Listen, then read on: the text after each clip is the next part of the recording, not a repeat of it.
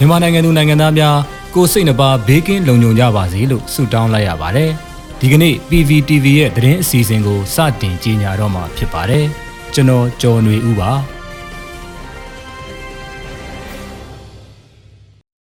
အခုပထမဆုံးအနေနဲ့ပြည်သူတွေတခန်းနဲ့အားပေးခဲ့ကြတဲ့အမျိုးသားညီညွတ်ရေးအစိုးရရဲ့အောင်လံလွင့်ချီຫນွေဦးထီကိုပြန်လည်ရောင်းချနေပြီဆိုတဲ့သတင်းကိုတင်ဆက်ပေးမှာဖြစ်ပါတယ်။အောင်လံလွင့်ချီຫນွေဦးထီစမ်းသက်အယောင်ကာလာကကန်ထူးရှင်တွေကို စက်တင်ဘာလတတိယပတ်မှာအကြောင်းကြားပေးမှာဖြစ်တယ်လို့စက်တင်ဘာလ6ရက်ညနေ4နာရီကစပြီးຫນွေဦးထီကိုပြန်လည်ရောင်းချနေပြီလို့သိရပါတယ်။ຫນွေဦးထီစမ်းသက်ရောင်းချမှု Pilot Project Phase 2ကိုလုံခြုံရေးမြင့်တင်မှုပုံမကောင်းမွန်တဲ့ဝန်ဆောင်မှုတွေနဲ့အတူရောင်းချမှာဖြစ်တယ်လို့လည်းအသိပေးထားပါတယ်။စမ်းသက်ရောင်းချမှု Pilot Project Phase 1မှာကြုံတွေ့ခဲ့ရတဲ့ဤပညာစိန်ခေါ်မှုတွေအနောက်ရှက်အခက်အခဲတွေများစွာကိုသင်ခန်းစာယူပြင်ဆင်မှုများပြုလုပ်ထားတယ်လို့လည်းဆိုပါတယ်။ຫນွေဦးထီရဲ့အောင်မြင်မှုဟာပြည်သူတွေရဲ့အောင်မြင်မှု ຫນွေဦးတော်လန်ရေးရဲ့အောင်မြင်မှုတစ်စိတ်တစ်ပိုင်းဖြစ်တာကြောင့်မိဘပြည်သူတွေအနေနဲ့အောင်လန်လွင့်ချီຫນွေဦးထီကိုအစင်အလာမပြတ်အင်ဒစ်အားဖြင့်ပူးပေါင်းပါဝင်အားပေးကြလိမ့်မယ်လို့ယုံကြည်ကြောင်းလဲຫນွေဦးထီမိသားစုကထုတ်ပြန်ထားပါတယ်။ຫນွေဦးထီဝယ်ယူအားပေးတဲ့ပြည်သူတွေအနေနဲ့လုံခြုံဘေးကင်းစွာနဲ့ຫນွေဦးထီတွေလက်ဝယ်ရောက်ရှိရေးအတွက်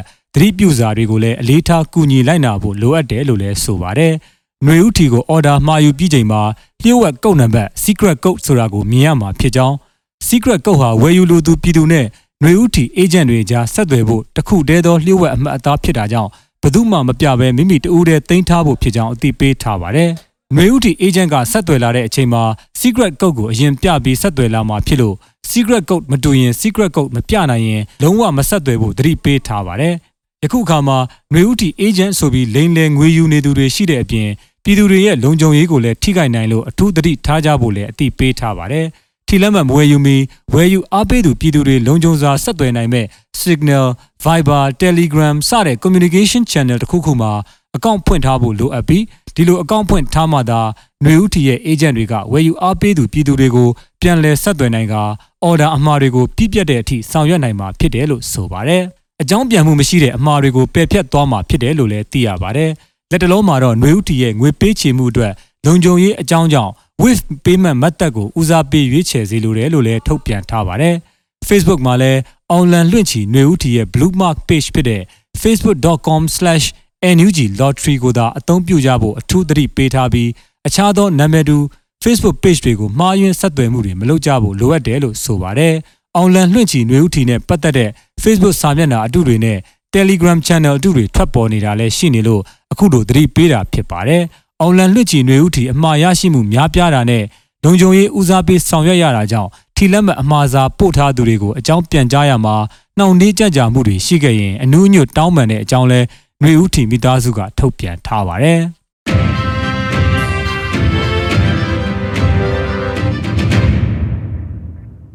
ဆက်လက်ပြီး စစ်အာဏာရှင်တော်လှန်ရေးအင်အားစုများအကြားစစ်ကောင်စီကတက်ရှုဖြိုခွဲနေတယ်လို့ KNU ဗဟိုကော်မတီဝင်စောတမိန်ထွန်းသတိပေးတဲ့သတင်းကိုတင်ဆက်ပေးမှာပါ။ကရင်မျိုးသားစီယုံ KNU ထိန်းချုပ်ရာနယ်မြေအတွင်းရောက်နေတဲ့ NUG အပါအဝင်တော်လှန်ရေးအဖွဲ့အစည်းများနဲ့ KNU ကြားမှာသွေးကွဲလာအောင်စစ်ကောင်စီကနှီးမျိုးစုံနဲ့တက်ရှုဖြိုခွဲနေပြီးစစ်အာဏာရှင်စနစ်အမြင့်ဖြတ်ရန်ရခင်ကအမှားများပြင်ဆင်ပြီးစစ်အာဏာရှင်အမြင့်ဖြတ်ရေးညီညီညာညာဖြင့်ကြိုးပမ်းတင်တယ်လို့ KNU ဗဟိုကော်မတီဝင်ပဒိုစောသမိန်ထွန်းကတိုက်တွန်းပြောကြားခဲ့ပါတယ်။စစ်ကောင်စီကအတွင်းကလူတွေမွေးပြီးမှကျွန်တော်တို့ကို terrorist တွေဖြစ်အောင်စူပူမှုတွေဖြစ်အောင်လုပ်မယ်ပြီးမှဒါကြောင့်မို့စစ်တပ်ကထိုးဝင်ရပါတယ်ဆိုပြီးလုပ်နေတယ်။နောက်ပြီး NUG နဲ့ကျွန်တော်တို့ KNU အကြားကွဲလွဲလာအောင်လုပ်မယ်။ NUG ဘက်မှာလည်းအားနည်းချက်တွေရှိတယ်။မဖော်သင့်တာတွေဖော်ရှို့ထားရမယ့်ဟာတွေလည်းမရှို့ထားဘူး။အဲ့ဒါကသူတို့တွေတင်မဟုတ်ဘူး။ကျွန်တော်တို့စီမှာလည်းရှိတယ်။ညီကြပါညီကြပါ ဗျိုင်လူတွင်းရင်ရွေ့တယ်ဆိုတာကဒီလိုဟာတွေကိုမပြင်ဘဲနဲ့မရဘူးကို့အတွင်းကအားနည်းချက်တွေကိုပြင်ကြပါဘယ်ဟာကသတင်းပေါက်ရင်ကောင်းတယ်ဘယ်ဟာကမကောင်းဘူးအဲ့ဒါတွေကိုစဉ်းစားပြီးမှတေချာလုပ်ရင်ဖြစ်တယ်ဟုပတိုစောသမိန်ထွန်းကပြောကြားခဲ့တာပါ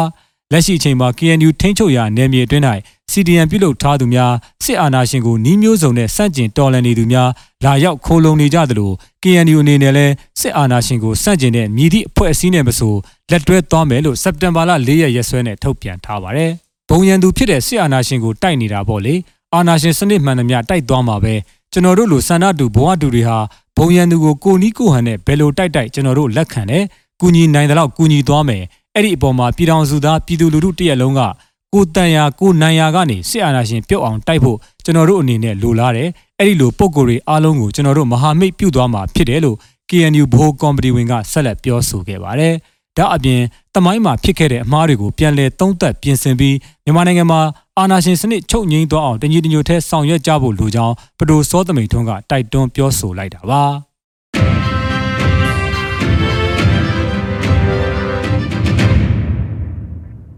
ဆက်လက်ပြီးနိုင်ငံအနှံ့ဆက်လက်ဖြစ်ပွားနေတဲ့အကြမ်းဖက်စစ်ကောင်စီစန့်ကျင်ရေးလူထုဆန္ဒပြပွဲတွေနဲ့ပတ်သက်တဲ့သတင်းကိုတင်ဆက်ပေးကြပါမယ်။မင်းအောင်လှိုင်ဦးဆောင်တဲ့အကြမ်းဖက်စစ်ကောင်စီကတိုင်းပြည်အာဏာကိုမတရားလူယူထားတဲ့အချိန်ကစလို့ပြည်သူလူထုတရက်လုံးဟာဆန္ဒပြထုတ်ဖော်မှုတွေကိုနိုင်ငံအနှံ့ပြုလုပ်ခဲ့ကြပါတယ်။အကြမ်းဖက်စစ်ကောင်စီကပြည်သူလူထုရဲ့ငြင်းချမ်းစွာဆန္ဒထုတ်ဖော်မှုကိုအကြမ်းဖက်ပစ်ခတ်တပ်ဖြတ်မှုတွေပြုလုပ်ခဲ့ပြီးအခုအချိန်ထိတေဆုံးသူတထောင်ကျော်ဖမ်းဆီးခံရသူ6000ကျော်ရှိနေပြီဖြစ်တော်ညာလဲ ပြည်သူလူထုရဲ့စန္ဒအထုတ်ဖော်မှုတွေဟာနေ့စဉ်ရက်ဆက်ဆက်လက်ပေါ်ပေါက်နေဆဲဖြစ်ပါတယ်။ယနေ့စက်တင်ဘာလ6ရက်နေ့မှာဆိုရင်လည်းစုံစမ်းသိရှိရသမျှမန္တလေးမှာအကြမ်းဖက်စစ်ကောင်စီတော်လှန်ရေးမဟာအောင်မြေစုပေါင်းတပိတ်စစ်ကြောင်းခြိတက်စန္ဒပြခဲ့တယ်လို့တန်ခတမကဆရာတော်များဥဆောင်တဲ့တန်ခတပိတ်လည်းခြိတက်စန္ဒပြခဲ့တာကိုတွေ့ရပါတယ်။ကလေးမျိုးမှာလည်းအကြမ်းဖက်လူသက်ဖက်စစ်စစ်ကောင်စီတော်လှန်ရေးပြည်သူတွေဥဆောင်ကဆန္ဒပြခဲ့ကြောင်းသိရှိရပါတယ်။တနင်္သာရီတိုင်းဒဝဲခရိုင်လောင်းလုံမြို့နယ်ရှိ တော်လှန်ចောင်းသားပြည်သူတွေကလည်းစစ်အာဏာရှင်ဖြုတ်ချရေး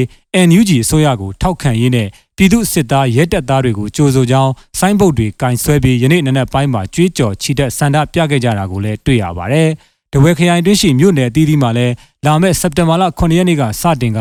အကြမ်းဖက်လူသက်စစ်ကောင်စီတော်လှန်ရေးအမျိုးသမီးတွေဥဆောင်တဲ့နှင်းစီရောင်အမျိုးသမီးတို့လှုပ်ရှားမှုတွေကိုပြုလုပ်သွားမှာဖြစ်လို့ပြည်သူတွေပူးပေါင်းပါဝင်ကြဖို့တောင်းဆိုကြောင်း ဒီမိုကရေစီအရေးလှုပ်ရှားမှုတပိတ်ကော်မတီဒဝဲခရိုင်ကတာဝန်ရှိသူတို့ကပြောဆိုခဲ့တယ်လို့လည်းသိရပါဗျ